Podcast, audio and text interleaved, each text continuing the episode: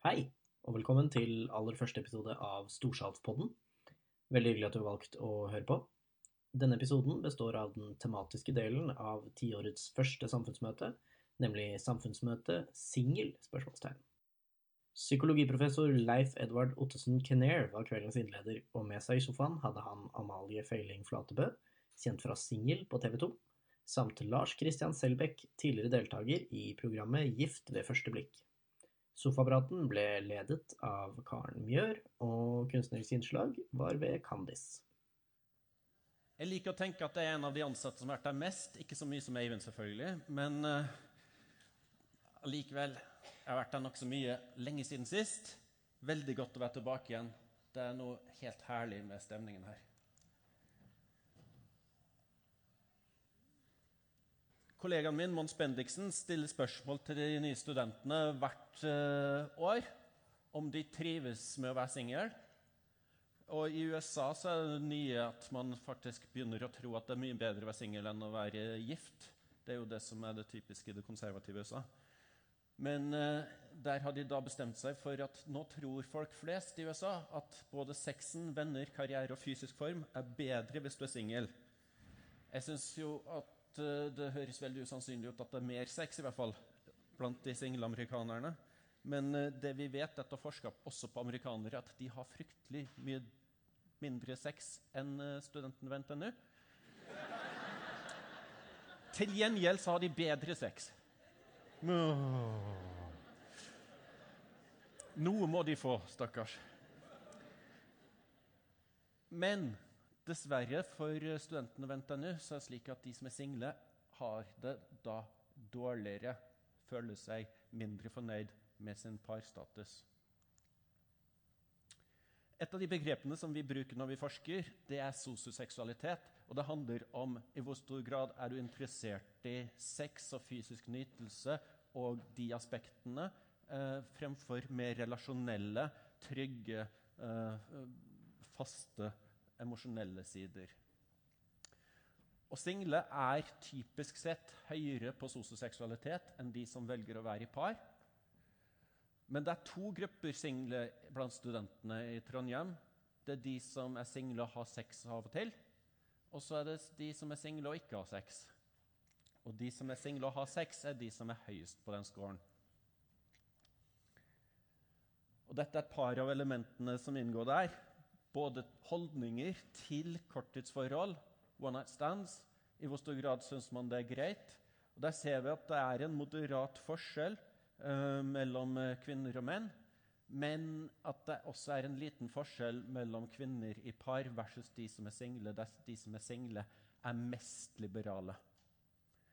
Og så er det forskjeller i hvorvidt man tenner og får lyst på uh, fremmede som man treffer. Og da er det slik at det er en uh, stor kjønnsforskjell i utgangspunktet. En på grensa til høy uh, forskjell innad i menn. Og en stor forskjell mellom kvinner som er single, versus de som er i par. Så single får litt mer lyst på folk de treffer på byen, enn folk som er i par.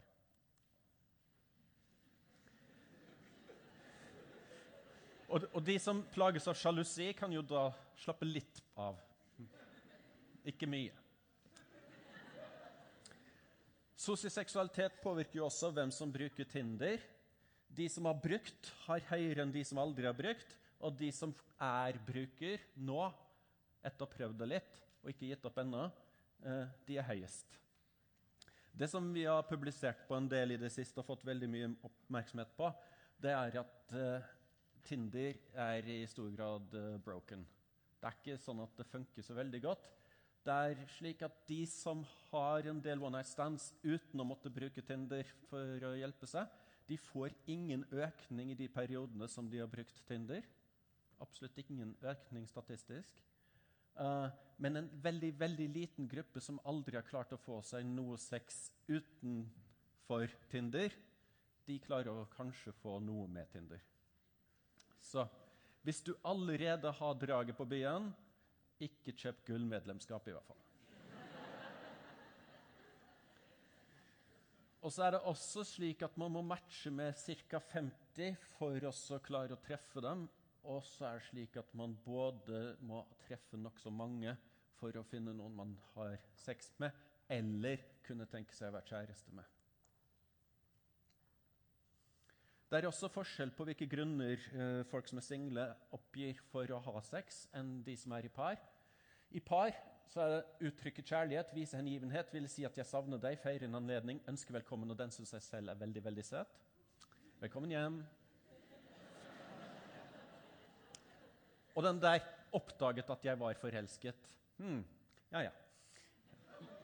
Single derimot ville ha opplevelsen, hadde ikke hatt sex på en stund. Muligheten oppsto, ville vite hvordan det var å ha sex med en annen. Jeg tenker Det å ha sex med en annen er ofte definisjonen. Ville finne ut om en annen partner var bedre, forbedre ferdigheter. Det er så rett og slett ta det som en treningsøkt. Og så selvfølgelig yolo. Pro problemet her er jo selvfølgelig at det er en liten fare for at det er ikke akkurat det man Altså, det er ikke den måten man finner livsledsageren sin på, kanskje. I første møte Single, ferske kvinnelige studenter synes at menn de møter i fadderuken, er langt mer sexy enn single kvinnelige studenter som har stått ett år etter menn. Det er, så, det er så endelig slippe hjemmefra. Endelig slippe hjemmefra, komme til nydelige Trondheim og så både møte de flotte mannlige studentene her um, og drikke litt øl, uh, er visst effektivt. Men etter at man har vært her et år, så er man faktisk ikke så imponert lenger. Generelt syns kvinner som møter menn, at de ikke er spesielt attraktive i det hele tatt. Mens mennene Og nå snakker jeg om dere, det er studentene her. Så det er det vi har forska på. Det er litt creepy og litt skjønt på en måte. Um, kvinner som de møter, eh, syns de er moderat attraktive. Dette er en uheldig ubalanse som gjør at datingmarkedet ikke er så lett som man skulle ønske at det var så er det slik da at kvinner, for å kompensere for sin manglende tiltrekning, signaliserer litt mer interesse. Og mennene, for å ikke skremme henne vekk, demper av sin interesse. Og så er det slik at Jo mer sexy kvinnen opplever at han hun møter, er, desto mer sannsynlig er det at det blir sex. Og den er lineær, slik at for hvert poeng mer hun scorer ham, jo mer sannsynlig er det at de havner til sengs. Dessverre ingen sammenheng for gutta. Faktisk, for å være helt ærlig, om noe så er det en slak nedadgående trend.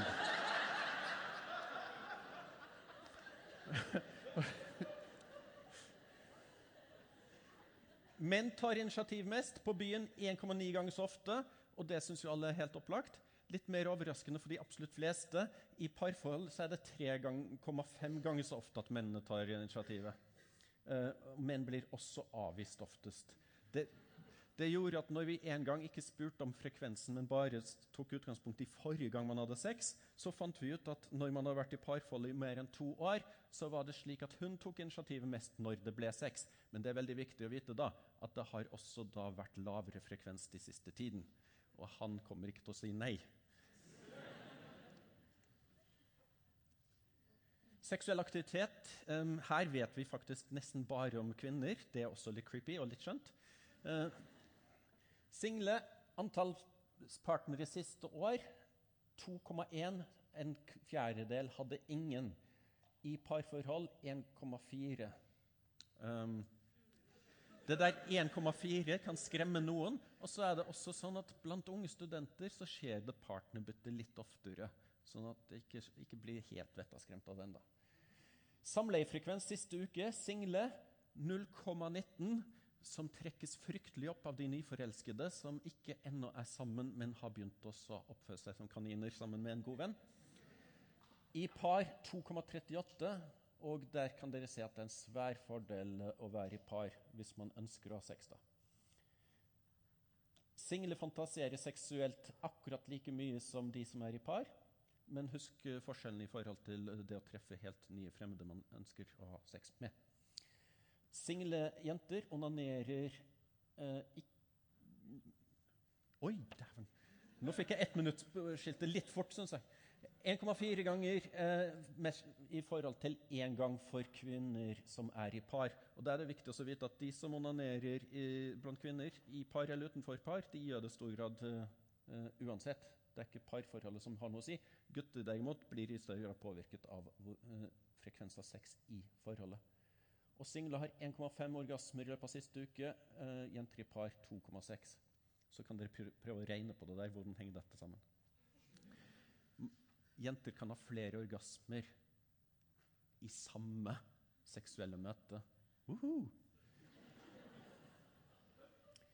Guttene vi vet nesten ingenting om dem, men bare sånn det, bare sånn det er sagt For heteroseksuelle møter så må det matematisk sett være akkurat like mange, selv om alle tror at gutter har flere one night stands enn jenter. Det er bare i så fall fordi at det er også Tiden er ute.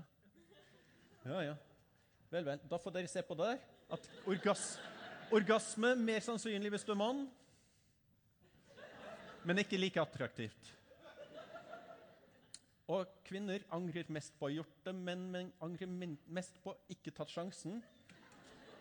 Og kvinner som tar initiativ til sexen, de angrer mindre. Og vemmelse er den største grunnen til uh, at man angrer seg. Og det syns jeg man skal. Hvis det har vært skikkelig ekkelt, så skal man angre seg. Og Her ser dere også at uh, de som er single, er mindre sjalu enn de som er i par. Og Det er kanskje ikke den mest overraskende nyheten i dag. Det var det jeg hadde å si. Jeg klarte nesten. Takk for meg. Ja, da eh, vil jeg først si tusen takk for en veldig spennende innledning med deg, Leif. Eh, mye ulik forskning som vi skal komme litt tilbake til, og mange spennende tema. Men først må vi begynne med å si at vi har fått to nye ansikt eh, med oss her nå. Eh, og jeg har lyst til å begynne med å introdusere dere litt.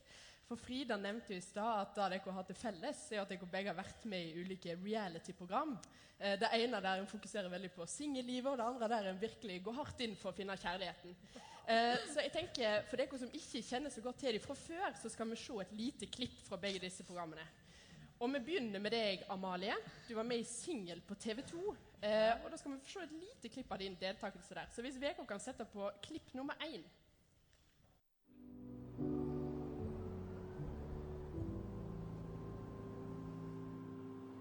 Jeg har fått en litt bad habit av å hver gang jeg er ute og drikker nå, så tenker jeg at nå skal jeg skal jeg være med noen igjen?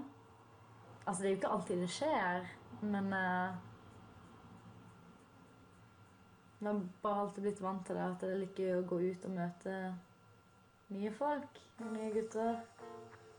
Så jeg forventer i dag at jeg klarer å holde meg helt unna gutter og Tinder og tanker på gutter i kveld og bare kose meg med klassen min i dag. Uh, selv om jeg tror det kanskje blir litt vanskeligere, men uh, vi får nå se. Selve kjærlighetslivet mitt er vel egentlig uh, ganske one night stands, egentlig, for det meste. Spesielt nå når jeg er singel og får prøvd. uh, ja. Kanskje du forteller litt, for nå, Du sitter jo virkelig og bretter ut livet ditt både på hverdag og fest. Hvordan var det å være med på dette her?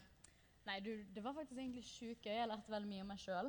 I og med at vi fikk jo Vi hadde jo ikke et kamerateam som fulgte med oss, men vi fikk en egen mobil som hadde bra kamera, og så filma vi oss sjøl. Eh, så det ble mye mer nært, da. Men eh, jeg lærte mye om eh, hvordan jeg sjøl er når jeg er full, i og med at man må filme seg sjøl når man er ute på fest. Eh, og vi velger jo sjøl det vi sender inn. Eh, det var mye jeg ikke sendte inn. Okay. Kan du fortelle litt om det? Hva var det du plukka ut? Eh, det, det, som var litt gøy, var at det, den grensa, eller toleransegrensa for hva jeg sendte inn, den ble større jo lenger ut i filmperioden jeg var. I starten så kunne jeg klippe sånn Å nei, jeg kan ikke se at jeg kan ikke ta han og han tar meg på rumpa, eller et eller annet sånt. Eh, mens ute i uh, Når jeg hadde filma litt, så var den toleransen litt mindre, da. Men uh, det var litt, litt med bare tanke på på hvordan jeg hadde lyst til å bli sett på på singel, men så dreit jeg litt i det til slutt.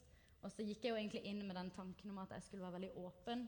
Og være litt den der, sånn ta vekk den stigmaen med at det er one night stands i forhold til å være jente. da. At det er liksom Å nei, man kan ikke ha så mange one night stands når man er jente, liksom. Var det grunnen til at du meldte deg på? Nei, det var yolo. Så det er så fint. Ikke skyld på det. Nei, men eh, det var egentlig redd bare det å prøve noe nytt. Ja. Og jeg lærte jo virkelig masse. Og det var, det var sjukt gøy. Og jeg pusha meg sjøl mye til å snakke mer med guttene jeg møtte, som jo gjorde at jeg fikk eh, eh, mye mer følelse for guttene. Og de, jeg fikk liksom en connection med de fortere fordi at jeg måtte si Du, jeg allerede prata i bilen til kamera om at jeg liker det, så det kan være det kommer på TV, så jeg må nesten si det til det òg. uh, så det gjorde at det liksom eks eskalerte litt fortere. Mm. Men som sagt, ikke det eneste reality-deltakeren vi har uh, i dag. Uh, du var med i Gift ved første blikk. Eh, og jeg tenker vi også kan begynne med å se et lite klipp derifra, så vi kan sette på klipp nummer to. Du har vært singel så lenge, og så går du rett kliss klass i et ekteskap med en du ikke vet hvem er. Ikke bedre å gjøre det sånn. Hva skjer hvis han ikke liker folk i bunad? Det er jo Hva hvis han har noe skikkelig imot det, liksom? Fins det de? Ja, Ja. det gjør det. Vi skal feire noe av det vakreste som fins mellom to mennesker, nemlig kjærligheten. I dette eksperimentet arrangeres det tre ekteskap. Han har bunad.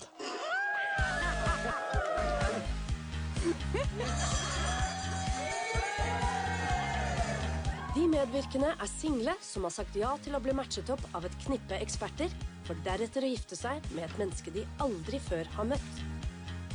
En forutsetning for å bli forelsket, det er at du er um, det vi noen ganger kaller førforelsket. Og det å være førforelsket er en tilstand preget av forventning, en slags sånn vårfølelse hvor man lengter etter at noe skal skje. Parene skal leve sammen som mann og kone i fem uker. Er så god. Takk, kjære. Blir sånne gamle tanter i Askim. Vil de single ha større sjanse for å lykkes når de i stedet for følelser lar vitenskap og fornuft styre valg av partner? Å, herregud, fy faen! Så først så skremmer jeg deg, så får du blomster. Skjønner jo at det er dumt å bare sovne og ikke si at jeg sover hjemme. Det er jo ikke greit. Vil parene fortsette å være gift? Eller blir de skilt?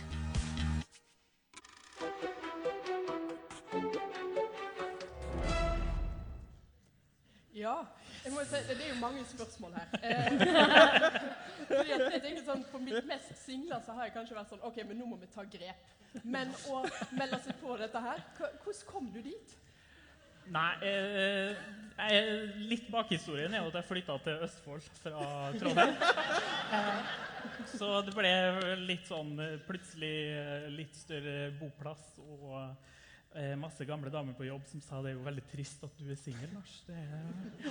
Eh, og da bestemte jeg meg for Eller da kom det fra Eller de bestemte seg for da at jeg skulle søke, og så drakk vi øl for hvert stadie. da, så Sånn networka jeg meg litt inn i Østfold, da, rett og slett. Ok, Men kan du fortelle litt om hvordan var det å være med på dette her?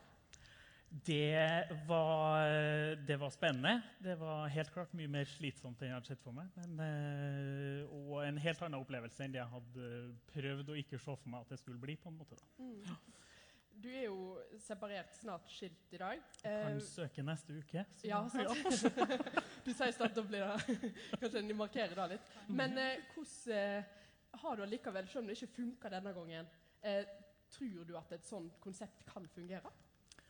Eh, Jeg er litt usikker. Eh, Det er jo eh, eksempler på par som har holdt sammen. Det ene paret som holdt ut i seks år etterpå. Og så har vi jo Sara og Joakim fra Året som har fått ei lita datter nå. Så det kan jo skje. Men jeg tenker jo at det er jo mye tilfeldigheter inne i spillet der òg, sjøl om ekspertene òg har hatt en finger med i spillet. Jeg ser du sitter og rister på. Dette har du ikke mye tro på. Jeg prøvde å ikke riste på hodet. Ja. Men du har ikke tro på at dette kan fungere? Nei, altså, jeg var jo faktisk invitert til å være ekspert i siste runde, og de fleste som kjenner meg, vet at hvis det er snakk om å peke et kamera på meg over lengre tid, så sier jeg vanligvis ja.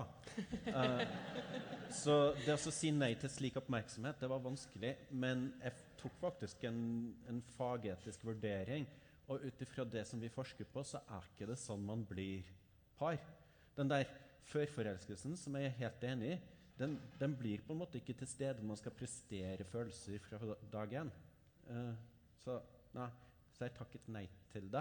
Og jeg tror ikke på den måten å gjøre på. Hvis man, men som, som ble sagt, det er masse tilfeldigheter. Det er jo ingen her Nå er det kanskje ingen som er sammen med noen her.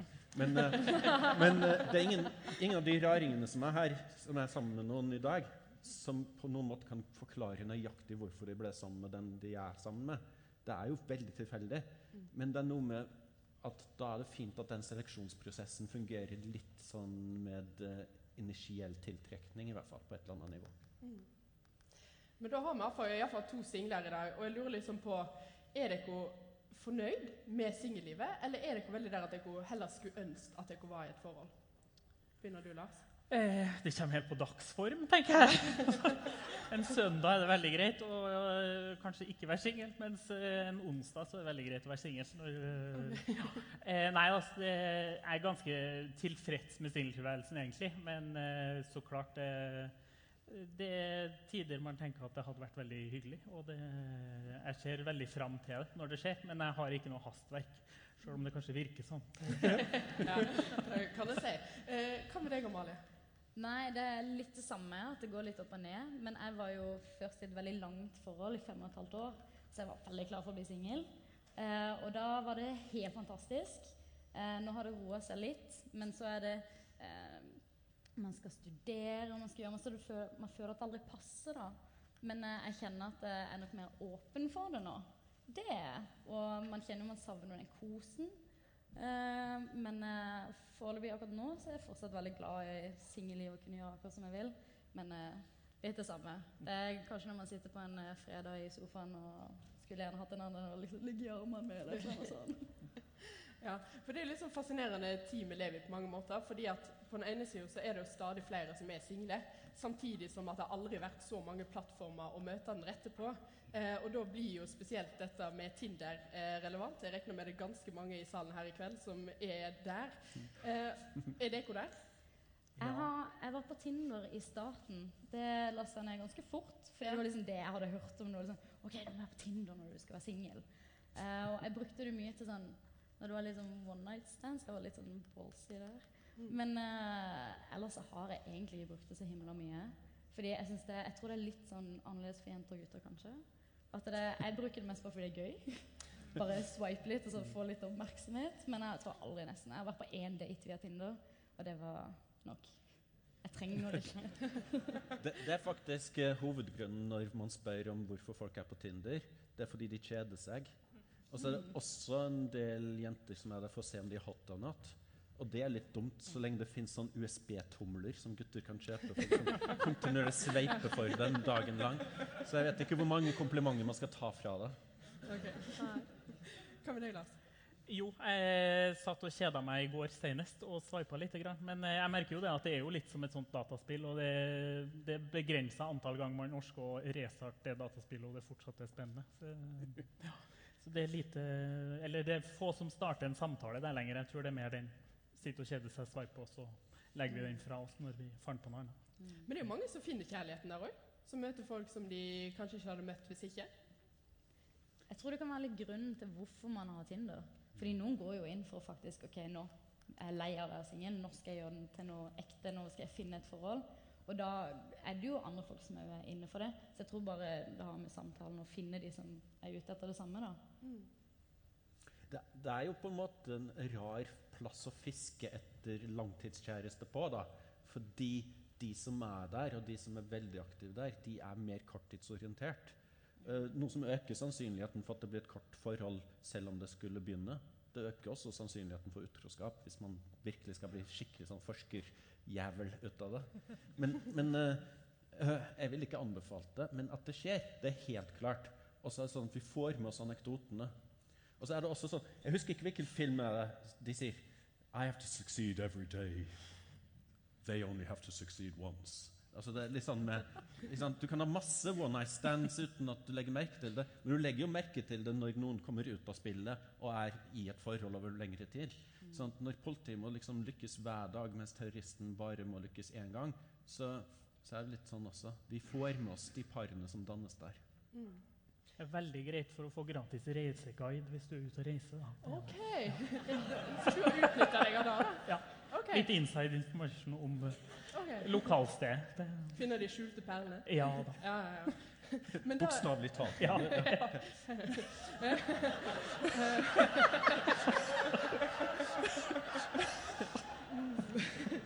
Men Vi er der allerede. Det, dette lover utrolig godt. Eh, Men det har iallfall veldig mange sier, da, er at tidligere så var det kanskje sånn OK, møtte deg i vennekretsen og vennes venner. Men utenom det så hadde en kanskje ikke helt overblikk over alle som fantes der ute. Men i dag når en sitter med denne sveipingen, og det er jo så mange, eh, og at det kan på en måte bli litt for mye å velge mellom Kjenner dere igjen i det? At det kan bli for vanskelig å slå seg til ro med én når en vet at en har så mange andre muligheter? Det er jo litt som å være i en buffé. Da tenker jeg at du, du prøver, sampler litt, og så tenker du jeg skal gå tilbake og hente det jeg likte best etterpå, men så kan det jo hende du er mett på det tidspunktet. På et, eller jeg vet ikke. Så en ny buffé dagen etterpå. Så, så I realtime-møter så trenger man ca. sju-åtte for å finne ut litt hvor man er på datingmarkedet i verdi. Eh, og så er det sånn at når man på en måte avvises av så mange i tillegg til at man blir lika av noen, så er det kanskje sånn at man begynner å få en dysforisk idé om uh, ens verdi også. Mm. Så det er ikke, jeg er ikke sikker på at det bare er valgproblemet. Det er jo også at man stadig vekk vurderes og, og skal fremstille seg. Det er ikke nødvendigvis sunt. Jeg tror det kan handle litt om det. Jeg snakka jo om dette her med en venninne. Uh, om det at uh, datingkulturen nå er jo vel den der med at man bare møter helt nye folk. Eh, I kontrast til før, når det var med OK, jeg har han fyren her, kjenner han og sånn. Ehm, fordi når du har noen andre som kjenner det, som liksom her fyren tror jeg kan passe til deg, så føler du kanskje har et litt mer eh, grunnlag som allerede gjør at det kan gå bra, og du har kanskje noen ting du ikke trenger å ta opp eller å si. Mens når du liksom har Tinder eller bare møter en fyr på byen, så er det så sykt mange flere variabler for at det eventuelt kan gå bra. da. Mm. Rent seksuelt så er det kanskje også mer tilfredsstillende hvis man faktisk kan snakke med den personen og kjenne den. Kjipt hvis det er dårlig, da. Ja, hvis det er skikkelig dårlig. Ja. Kjenn, vet at Freden er en idiot. Ja. Jeg tenkte positivt, da. Ja, ja. Men når vi er inne på Tinder, er, som sagt, jeg tror det er mange single i salen i dag. Vi må jo òg bruke denne sjansen til å få litt tips. Eh, og det er jo noe med OK, en er på Tinder, en lager seg en profil, og en matcher med noen som en er litt interessert i. Men så kommer den virkelig store utfordringen, og det er jo hva skal en skrive? Og det er jo veldig mange ulike løsninger på dette her. Selv har jeg fått melding om alt fra Hei, vil du være med og ta en kaffe i morgen? til Har du lyst til å komme bort og se på min 30 cm lange anakonda? Og jeg må jo si at noe funker jo kanskje bedre enn andre ting. Åpen for tolking. Men eh, har dere noe sånne go to, eller hva er det dere responderer på eventuelt? Nå, nå er det jo ikke lov med slanger i Norge, og en Nei. 30 cm det, det, det betyr jo at det er en baby. En babyanakonda er jo fryktelig Som- søt, da. Som biolog så er jo Så du mener jeg skulle tatt sjansen der? Ja, det er det. Som biolog så er jeg jo veldig nysgjerrig på den slangen jeg òg, Ja, Ja, jeg har gått for den. Så vi- vi hadde Ja. dratt. Ja. Det funker på dere. Vi kan dra sammen. Vi kan dra sammen. Ja. Så mange muligheter. Men har dere noen faktiske tips? Altså, man skal skrive innhold. Det, de som bruker litt mer tid på profilen sin, lykkes bedre. Så det, det er så klare selvpresentasjon på en overbevisende måte. Eh, og så tror jeg også det å ikke være totalt idiot og være seksuelt trakasserende i første møte, det er faktisk sånn der Flirt 101. Don't be creepy. Ok. Så, så, og det her er faktisk litt skummelt på vegne av halve verdens befolkning. Hvor mange menn som tror at creepy er kult eh, og, sjarmerende. Så jeg tror at eh, det er eh, greit å bare styre unna creepy. Jeg tror at det kan handle sånn helt rent så handler det mye om å Hvis det kommer an på hvor alvorlig du er, da, eller hvor seriøs du er i det. Men det å liksom alltid måtte finne noe relevant å kunne skrive om i forhold til f.eks. bilder man har lagt ut. Så hvis man på sin egen profil legger ut noe som kan kunne skrives om, da. Sånn som jeg er danser, så jeg får alltid noe Kan du lære meg å danse? Jeg er litt lei av den, men det funker. Det og gifs. Gifs er alltid bra. Det er slaget. Nei, ingen forslag. Jeg er veldig dårlig. På min så står det 'Lars trivelig glad'. Punktum. Så det ja. Trønder. I trønder. Kanskje jeg skal legge til, bare Ja. for å gjøre litt Kanskje det er det som skal til? Ja, kanskje. Eh, jeg vil bare igjen minne om, eller jeg tror ikke vi har sagt det ennå, men vi har ei taleliste i dag, så hvis noen har noen gode spørsmål, så er det bare å melde seg til Inga som sitter der borte, og så tar vi dem litt etter pausen. Men eh, en annen ting når en skal liksom litt mer inn på Tinder, så er det jo dette med at når jeg blar gjennom feeden min, så er det mye rart og det er mye forskjellig. Men en ting som òg går igjen, det er jo disse som en kaller spøkelsene. Altså de som en kanskje snakka litt med, kanskje aldri fikk noe svar, eller de som en skulle møte med avlyst i siste liten.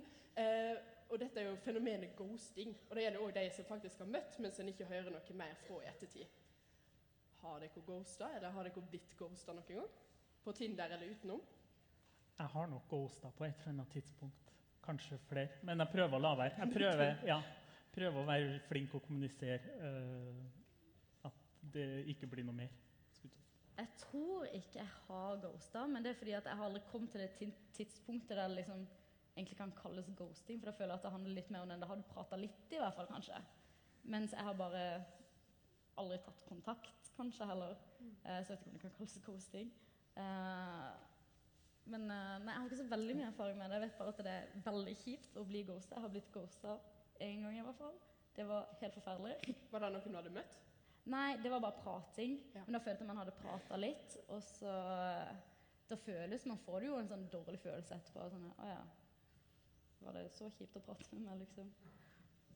Tror dere at eh, det at så mye er over nett, og såpass upersonlig, at det er grunnen til at en kan gjøre dette? Men gjør, at det ikke hadde blitt ei greie hvis en ikke hadde hatt sånn type dating? Det gjør det jo ti ganger enklere å gå eller det å kunne bare legge ting vekk når alt er via sosiale medier. For da, å se noen i øynene og si 'jeg liker deg ikke', er jo ti ganger vanskeligere enn å bare 'jeg bare svarer ikke'. Mm. Det gjelder jo også kommentarfelter, og så gjelder det seksuell trakassering på nett, og det gjelder rett og slett en flaming og sånn nett-rage så når man ikke ser et ekte menneske i andre enden, så har vi en tendens til å skru ned empatiskåren vår nokså kraftig. Og så er jo også litt av poenget med Tinder at det skal kunne være litt anonymt. at hvis du ikke liker folk, så kan du bare stikke av. Mm. Men hva er, hvis en ikke skal gå for Tinder, da, hvis en ikke har så tro på det, eller liksom, det funker for deg, det funker for, hva er de beste tipsene, da? Hvordan skal en uh... Ikke gifte seg med en gang. Ikke gifte seg med Hva? Ta en date. Et par, kanskje? En, kanskje to. ja. ja. Jeg tenker, uh, Det var ei venninne av meg som jo, uh, gjør en litt sånn standard greie som jeg syns egentlig er veldig gøy. Det er å ikke ta de der standardspørsmålene sånn Ja, hva studerer du? Og ja, hva gjorde du i går? Eller ja, hvor bor du henne? For det er sånn det er jo kjedelig. Man kan komme, komme med sånn skikkelig fun fact på et eller annet. Og en venninne mi hadde med noe agurk eller noe sånt, som det var bra for kroppen på en rar måte. Så var sånn, Oi, starta den samtalen. Så å komme med en sånn eh, litt ut av det blå ting, eh, og sånne type spørsmål istedenfor de standard greiene. For da kan man komme litt mer inn på en samtale, i hvert fall. Mm. Har du noen tips? Altså, nå har jeg vært ute av markedet så lenge at jeg vet ikke om jeg kan noe som helst om det. Men det som, det som jeg husker, er at jeg satt og pratet med noen journaliststudenter som hadde snakka med en incel-gruppe. Og de hadde kommet frem til at jenter liker jo menn som er i fysisk god form.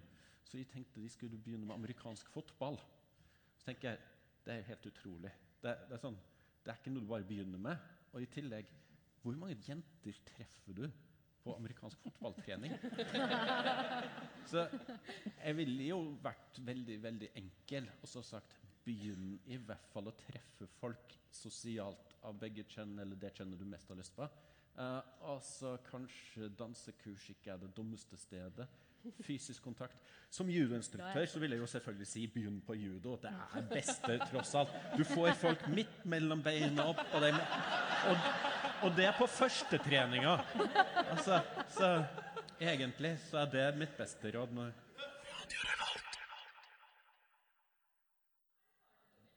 Ja. Eh, det er jo mange ting vi kunne snakke om i dag, men en ting som jeg regner med at mange her forventer at vi skal snakke om også, er at det er jo ikke bare lettere å få seg en date i dag.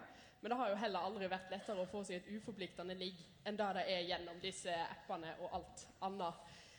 Hvordan tror dere at dette påvirker singellivet? Gjør det det lettere å få bli singel? Amalie? Med, med Tinder og sånn? Nei, At det er så mye lettere å få seg et one night stand gjennom sånne apper? Ja, men jeg tror altså For min del syns jeg det funker bedre bare å være selvsikker på byen. på en måte. Det er liksom det, er det jeg gjør. Så jeg syns det funker bedre. Men uh, det gjør det jo sikkert mye lettere fordi man møter andre som er, er likesinnede og har lyst på det, og gutter som legger ut bare bilder av sin nedre deler på Tinder. Det er veldig mye lettere å finne bilder av penis i dag enn det var før. Ja. Det er, um, men det som er en, det er ikke lettere å få sex gjennom Tinder. Det er det jeg prøver å si. Um, også en annen ting. De som da ikke har lyst til å forplikte seg, har det kanskje lettere. Men de som ønsker å forplikte seg, de som ønsker å transition fra singel til kanskje vi har noe på gang, eh, vet ikke helt, og liker litt og så gå videre, så ser det ut som at det begynner å bli vanskeligere og vanskeligere. Sånn at reglene for hvor needy eller klengete du kan defineres som for at du ønsker å gå et steg videre, eh, ser ut til å ha blitt brattere, sånn at det er vanskeligere å transition til par. Ja, Det syns jeg jo er interessant å høre, for det er jo litt av den der eh, at man ikke skal si noe, at man skal spille spill og alt det her, at eh, man ikke skal være ærlig om det man tenker og føler. Og er det noe jeg sitter igjen med fra Gift ved første blikk, så hadde det året med terapi i etterkant av Gift ved første blikk, så er vi jo her og hvor viktig ja, vi, Jeg ble konstatert frisk nå nylig, eller før sommeren her, så da er det, det, det er bra. Men det er jo det her med kommunikasjon og at vi er blitt Eller det er så viktig å si hva man tenker og føler tidlig. Da er det så mye lettere for begge partene å finne ut av ting. da. Jeg tenker jo det at uh, i forhold til eh, Når man er liksom i 20-årene, altså når man er studenter, så tror jeg at majoriteten uh, så er det det at uh, man tenker man vil gjøre så mye. Det er liksom blitt så inn og at man skal ut og reise, man skal studere, man skal gjøre ditten og datten. Som gjør at det å skal finne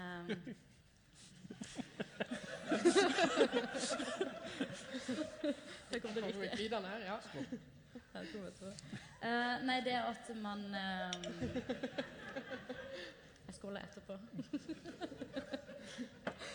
nei, hvor var jeg henne? Jo, at, eh, at man eh, er mer inn på det at man skal være singel. At man ikke liksom vil ha et forhold ennå. Fordi man er 20-åra, man skal gå rundt og ha det gøy. At det er liksom blitt en større grad. da. Det at man heller skal gå ut og ha det gøy og ha one night stands og eh, ikke forplikte seg. da. Så jeg tror det skal mer til før du faktisk finner noen eh, i hvert fall i studenttilværelsen som faktisk er ute etter et forhold på samme måte. da. Men de fleste jentene som studerer ved NTNU, er i forhold. Merk Kudos. de fleste jentene. Ja, det er rart.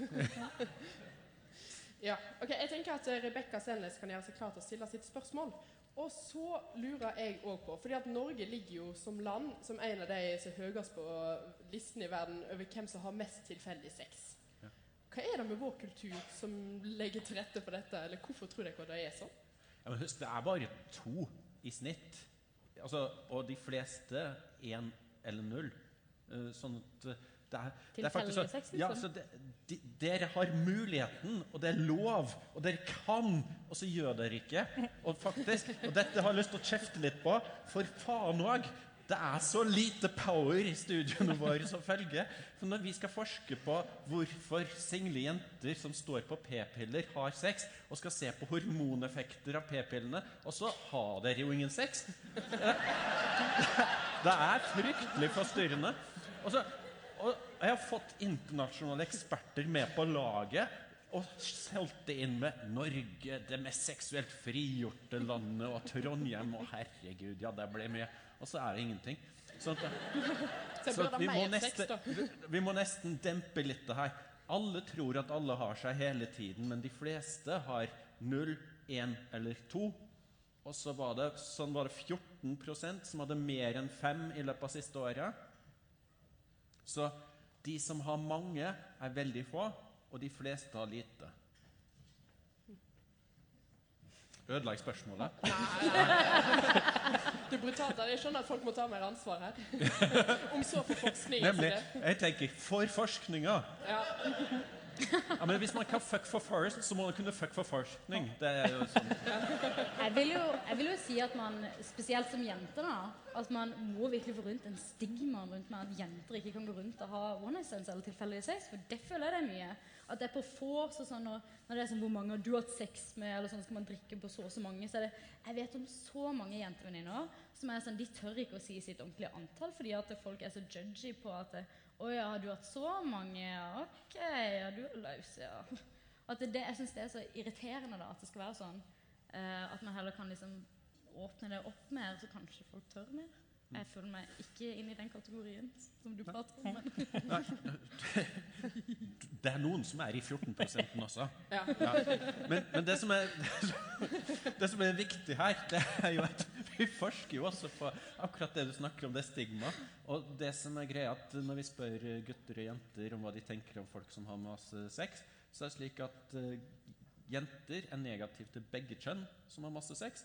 Gutter er eh, mye mer positive til jenter som har mye sex i en one night stand-setting.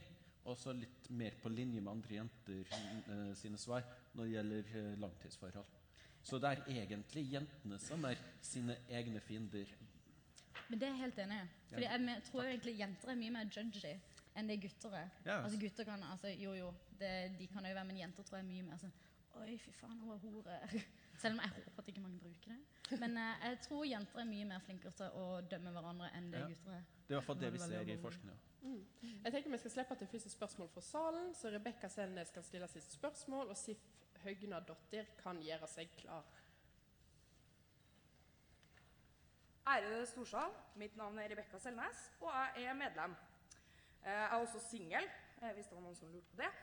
Eh, og jeg har også Tinder. Og så lurte jeg på Det er kanskje bare mitt inntrykk, men jeg føler at det har vært en sånn relativt heteronormativ debatt i dag.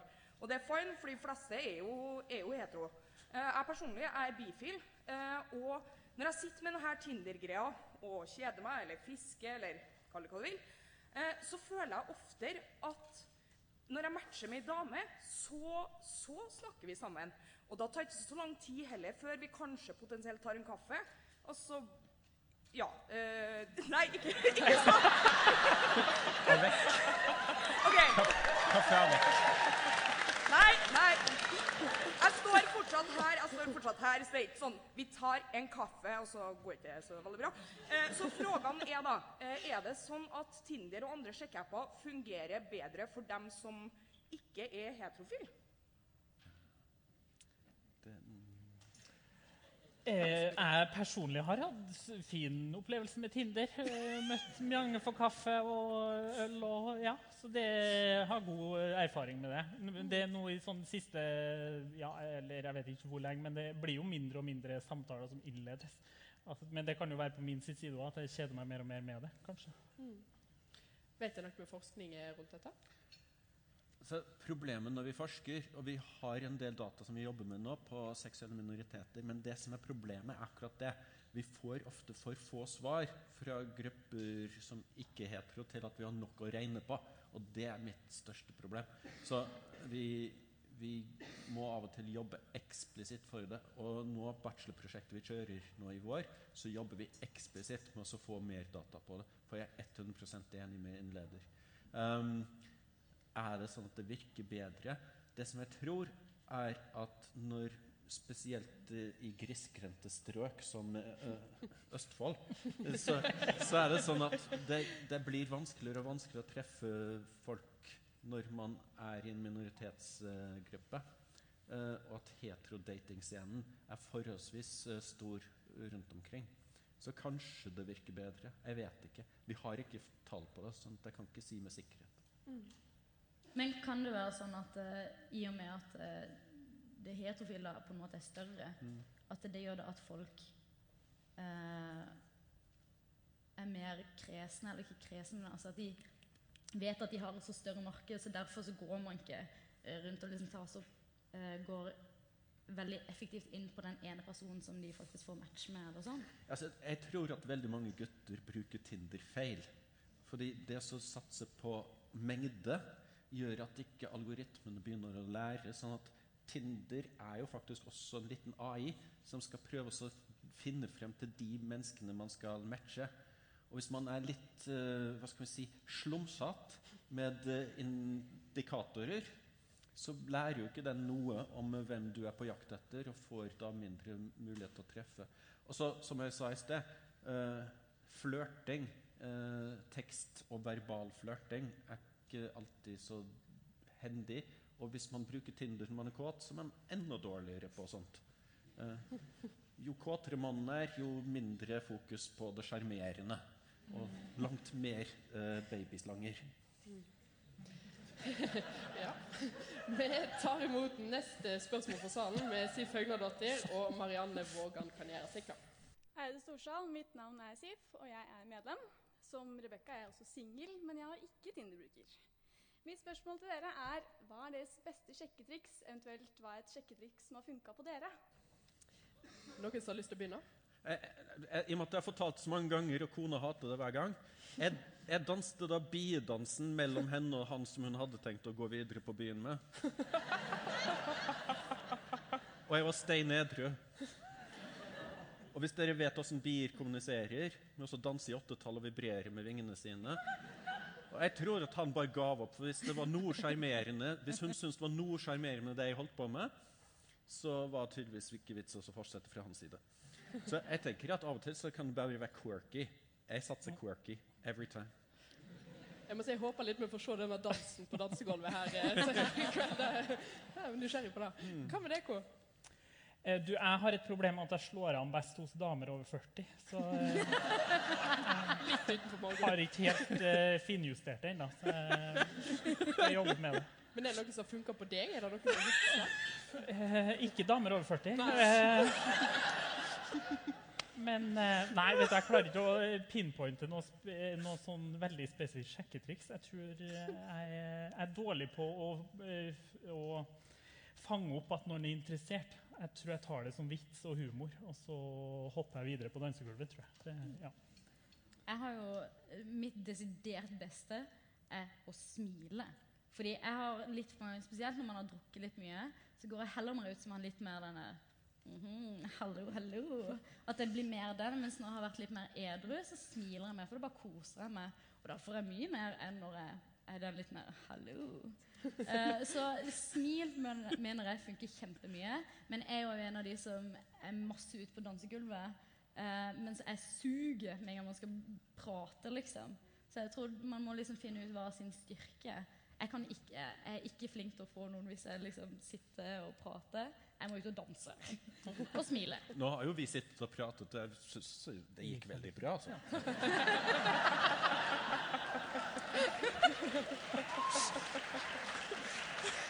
Så du har true? Ja.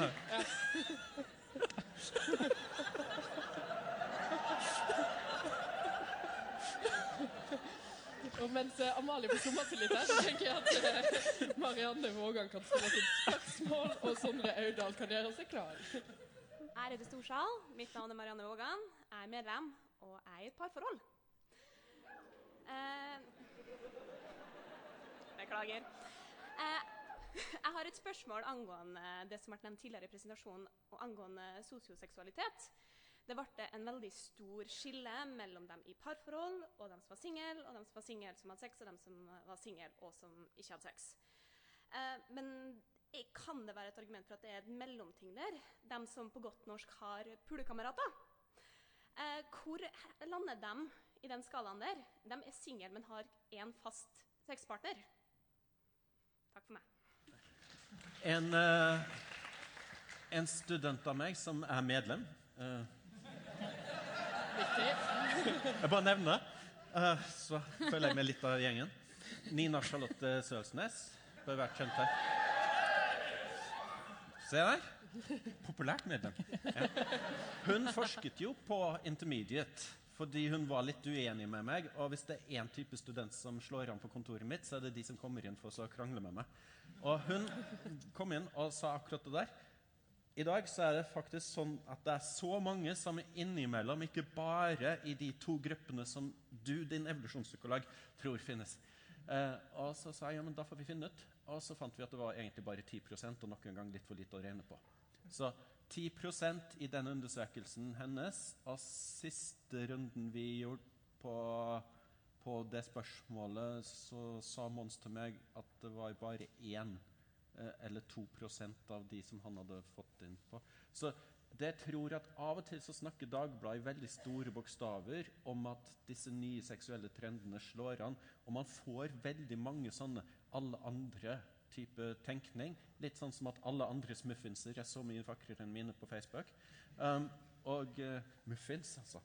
Men altså, det som er greia da, det er at jeg tror at fremdeles er folk uh, ikke så mye inn i den uh, Friends with Benefits-greia som uh, Dagbladet prøver å fortelle oss. Kjenner dere dere igjen i dette? Altså, Friends with Benefits mener jeg altså, Min erfaring av det er bare at eh, det ender opp i følelser som gjør at den ene blir bare såra. Men da mener jeg at enten hvis vi skal være Friends with Benefits eh, Det var en kompis av meg som sa dette som ga så mening. At eh, da må det egentlig bare være sånn at man bare kommer over sex, nesten. Fordi hvis ikke, hvis man da igjen sitter etterpå og ser på film, eller et eller annet sånt, så blir det liksom fort gjort at man får litt følelser. Men uh, min erfaring med Friends with Benefits er bare dårlig. Bare dårlig. Jeg tenker jo at Enten så liker du jo en person, og så blir det på en måte et forhold, eller så syns du den er litt kjedelig. eller noe sånt, Så da tenker jeg da kommer du ut så ofte på besøk. Jeg vet ikke. Eh, men eh, ja, så jeg eh, har ikke tenkt at det har vært en god løsning for min del. i hvert fall ikke. Men jeg tror jo det er veldig forskjellig fra person til Mm. person. Jeg vet sjøl at jeg kan være en som kan få litt fort følelser selv om jeg ikke har lyst. Så da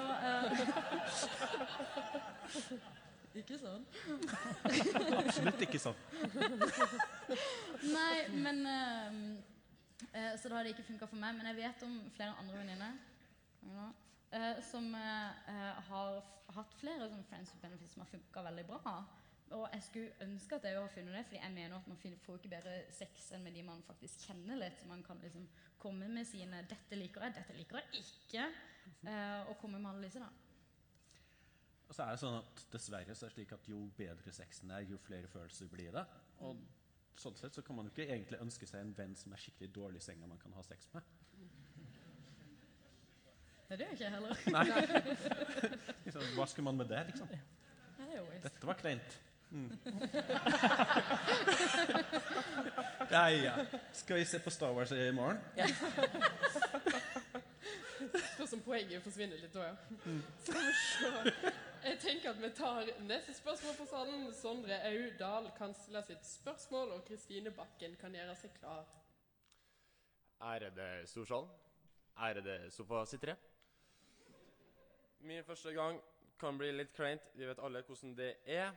Eh, litt inspirert av Candice sin opptreden her i stad nå. Hoved... Hovedsakelig retta til Kaner, som har eh, forska på området, men sofasitterne er jo gjerne invitert til å svare. Hvordan er det med fantasier? Altså hvordan er hitraten på det på one night stands, og hvor mange ganger skal du liksom ha samleie med en person før du tør å Hei, du, kan ikke jeg Kan ikke du ta på deg den lateksdrakten her i eh, garderobeskapet? Hva Er det noe tall på det? Altså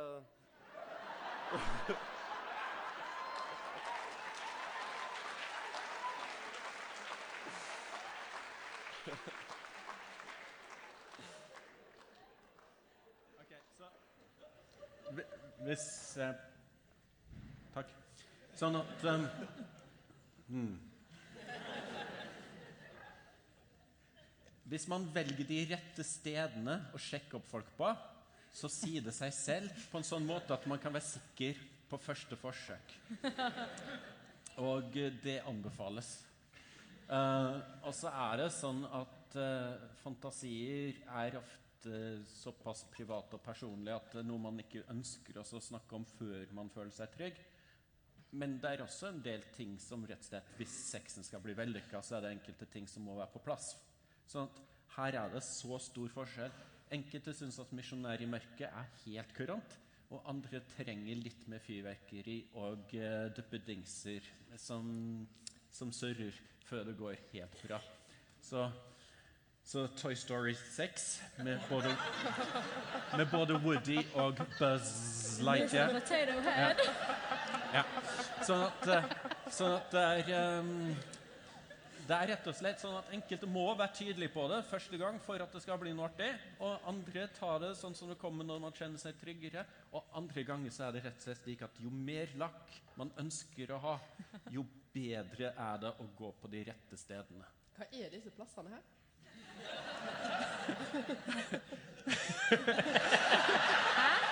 Bare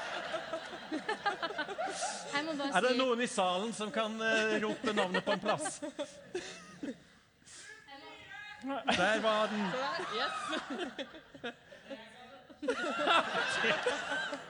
Da har vi to. Tror noen som må møte seg her i løpet av kvelden. Ja. Jeg mener jo at man må få vekk det stigmaet rundt eh, sexleketøy og alle sånne fantasier. At man ikke kanskje de veldig tøffe, harde fantasiene ikke tar det på første omgang, liksom. Men eh, at man skal kunne være åpen om at, eh, å kunne spørre hva liker du best, liksom. Selv om det kanskje kan ødelegge litt den der eh, hete greia om skal skal hive det inn i veggen og vi er so in the moment. Men eh, for at det skal bli veldig bra, så mener jeg at man må kunne være mer åpen til å spørre ok, trenger du noe annet nå, liksom. for at det skal være bra for begge to. Ja. Mm. jeg er fryktelig vanilje, så jeg er litt sånn skuffa over at, jeg, at det er så vanlig. At, eh, jeg jobba litt i fri, foreningen FRI også, jeg satt og snakka med en eh, åpen fetisjist. Og det hørtes ut som han eh, hadde så mye morsomt å holde på med. Mens eh, ja, jeg følte meg litt sånn kjedelig, rett og slett. Men det er jo viktig det òg, da. Ja. Å få konstatert det at ok, jeg Ja. liker det plain. At det ikke liksom ikke at du ikke får en choker, liksom. linje. Altså, jeg tror at Hvis du spør Drammenis eller, eller Henning Olsen, som kanskje er mer nær det du kommer fra, så vil man finne ut at det er faktisk vanilje som selger mest. da. Altså, det, det er jo en av de rare tingene med folk. Folk tror alltid at det uvanlige er det vanlige, men det er det uvanlige som er vanlig. Det er jo det første man lærer i statistikk.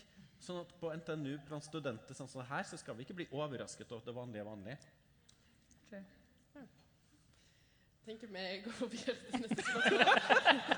Eh, Deres siste spørsmål fra salen. Kristine Bapken får lov til å gå på talerstolen. Ærede storsal. Mitt navn er Kristine, og jeg er medlem. Og jeg er singel. Veldig singel. Eh, mitt spørsmål går kanskje mest til psykologi psykologiprofessoren. Og hvis jeg hadde hatt én øl mindre, hadde jeg kanskje huska navnet ditt. Men eh, Åh. Mitt spørsmål er hvor viktig er den derne første tiltrekkelsen, den derne rene fysiske tiltrekkelsen, når man møter en person som eventuelt kan bli en partner? Takk. Ja, og det, det synes jeg er et veldig viktig spørsmål. Vi, vi har en sånn tendens til å late som at det å være opptatt av utseende, det er overfladisk, men det å være opptatt av personlighet, det er dypt. Men greia her er at nesten alle har først og fremst reagert på tiltrekninga, uansett om det er utseende, persons bevegelse, altså dansetrinna, eller, eller sjarm eller humor. Så det er noe i de første par eh, opplevelsene som må være til stede. Men så er det et viktig poeng, og dette stiller jeg alltid når jeg underviser. De fleste her tror jeg har blitt forelska i noen de har kjent en stund. Og hvor mange kan Jeg klarer nesten å se dere. Hvor mange har faktisk opplevd at de ut, endrer utseende etter at man har blitt forelska? Kan vi få se det? Ja. Og det, det her er en av de vakreste tingene med forelskelse. Etter at man har fått en viss begynnende tiltrekning, så er ting lagt til rette. En slags sånn førforelskelse som ble nevnt på TV-en i serien din. Um, og når den er på plass, på en måte, så kan den ekte forelskelsen komme. Og da er det sånn at hvis du virkelig er forelska, så er du litt psykotisk. Fordi da tror du at du er sammen med verdens skjønneste. Få se nå. Hvem, hvem har vært forelska i verdens skjønneste? Og det er rart. Det, sånn statistisk sett igjen, altså. At alle har vært forelska i samme person. For det er jo Det er jo veldig rart. Så, så her har vi det. Vi må først ha den første tiltrekninga, uansett om det er personligheten, humoren eller eh, Jeg har prøvd meg på humor, det virker ikke. Men, eh, eller personligheten. Og så kommer forelskelsen deretter. Og da er det sånn at da plutselig så er det slik at den, den opplevelsen at den andre er vakker og uh, gøyal og morsom, bare øker på. Så akkurat hvis man ikke har de første, så er du doomed, liksom? Ja, altså det, det, som var, jo, det var litt av det som gjorde at jeg ikke hadde lyst til å bli med der. Fordi Mm. det var på en måte sånn at det ble Den første biten ble borte i prestasjon. Eh, og så har de jo ikke sex på bryllupsreisa. Når jeg fikk vite det, så tenkte jeg jøss, det går jo ikke. Det er jo veldig rart, da. Er du ikke enig?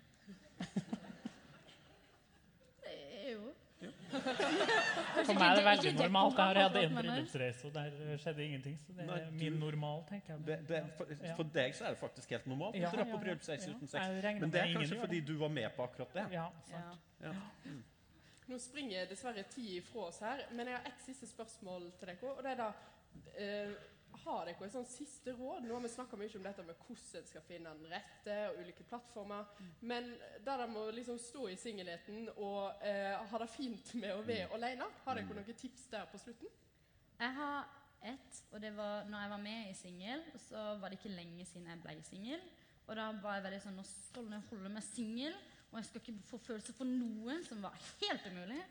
Eh, så det var en veldig tung sommer. Da jeg ble veldig sliten og masse sånn. Så mitt første råd er egentlig det å Selv om man har lyst til å være singel, så det å være åpen for følelsene, sånn at man ikke liksom tynger seg sjøl ned med bare, ok, jeg skal ha de følelsene, at man liksom er åpen for det. Selv om det ikke trenger å bli noe, men at man er åpen og ikke trenger å liksom pushe alt unna, for det er bare tungt.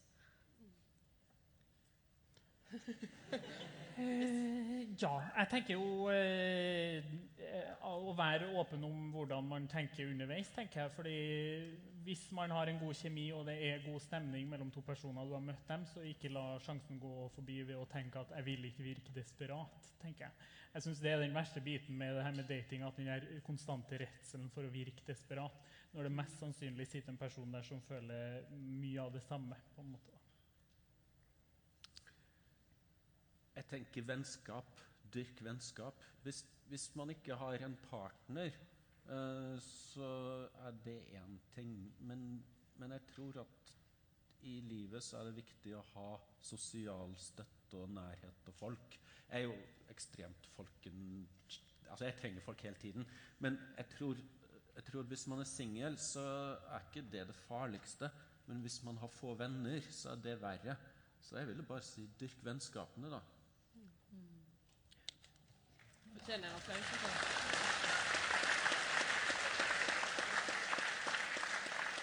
Og med de kloke ordene fra Kinnear er aller første episode av Storsalspodden over. Vi tenker å lage flere episoder av dette, så abonner gjerne for å få med deg det. Tusen takk for at du hørte på, og så avslutter vi med kunstneriske innslag ved Candice.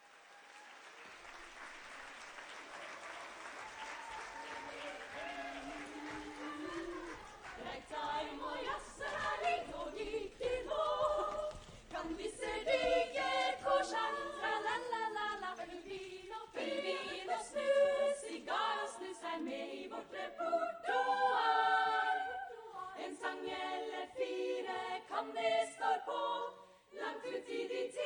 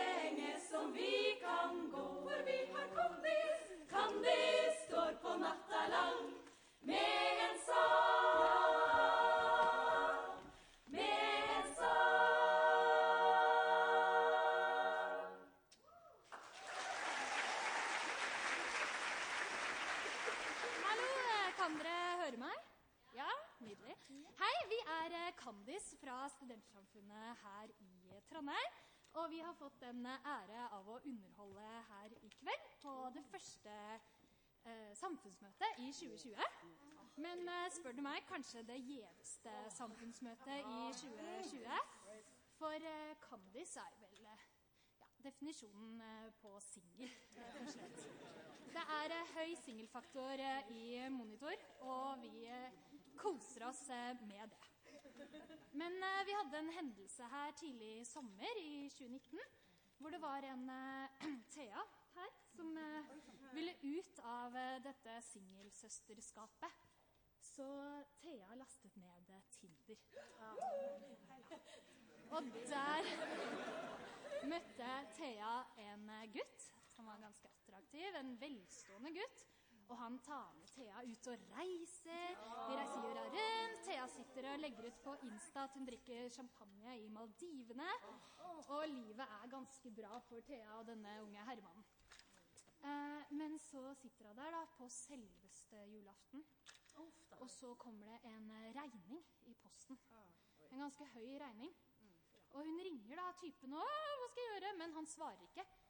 Han er borte. Og Thea har rett og slett blitt svindla. Så ja, det var eh, en hard Thea at en hard jul, dessverre. Eh, men da er det jo Candice backer. Vi backer eh, våre venninner, og vi skal stå opp for dem. Så derfor tenker vi at eh, vi skal lage en sang om han fyren, slik at når vi blir verdenskjent, så vil han høre denne sangen på radioen og tenke oh, I fucked up. Så Candice uh, synger uh, Roberto. Oh, det var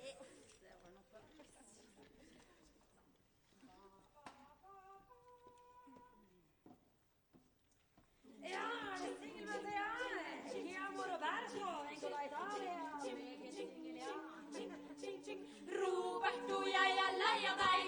Simple servitør. På min bekostning lever du, men hjertet mitt det blør. Du gir meg kyss, du gir meg klem og alt som jeg vil ha.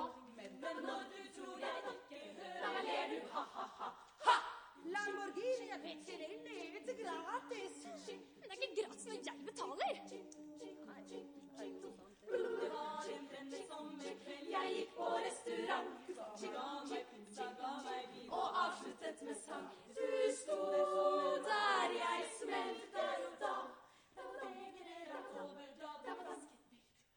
Roberto Pronto, kom du bort og fylte opp mitt glass. Jeg ba deg slå deg ned hos meg, ved mitt bord var det plass. Det kan ha vært albynen eller kanskje din aksent.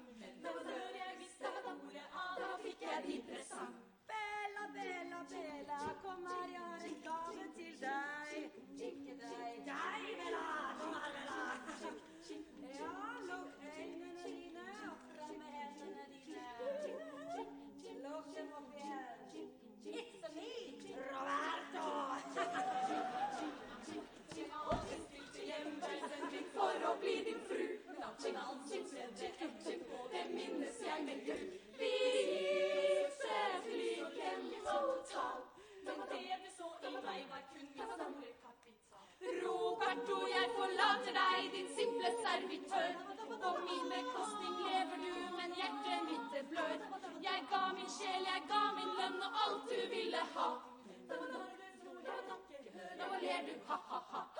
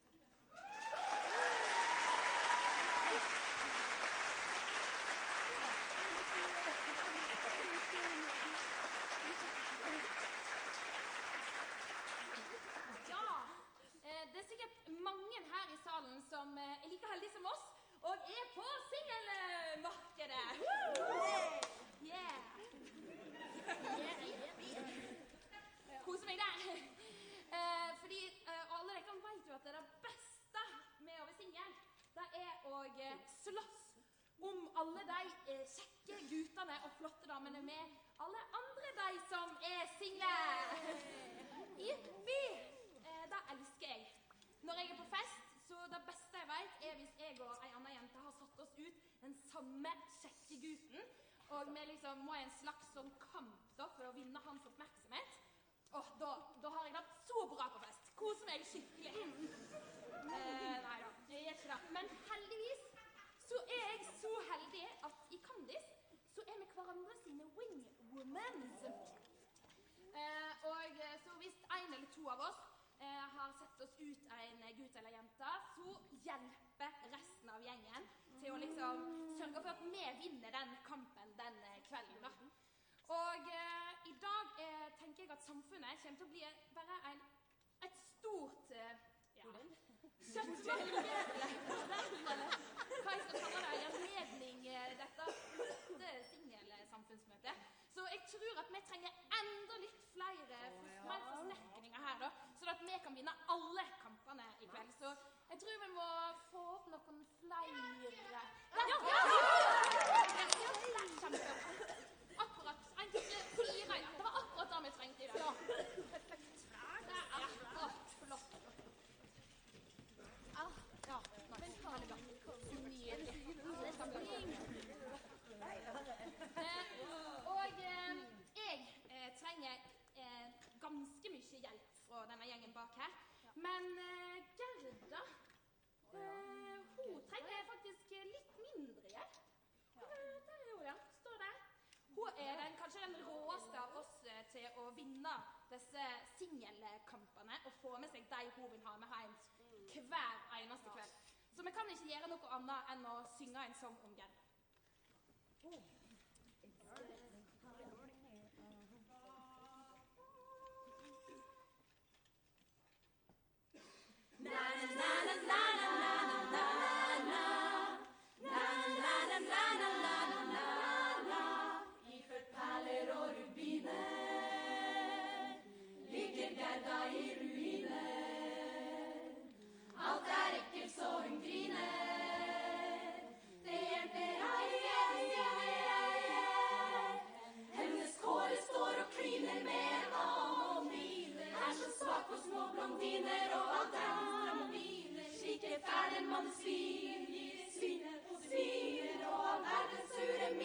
Miner som hun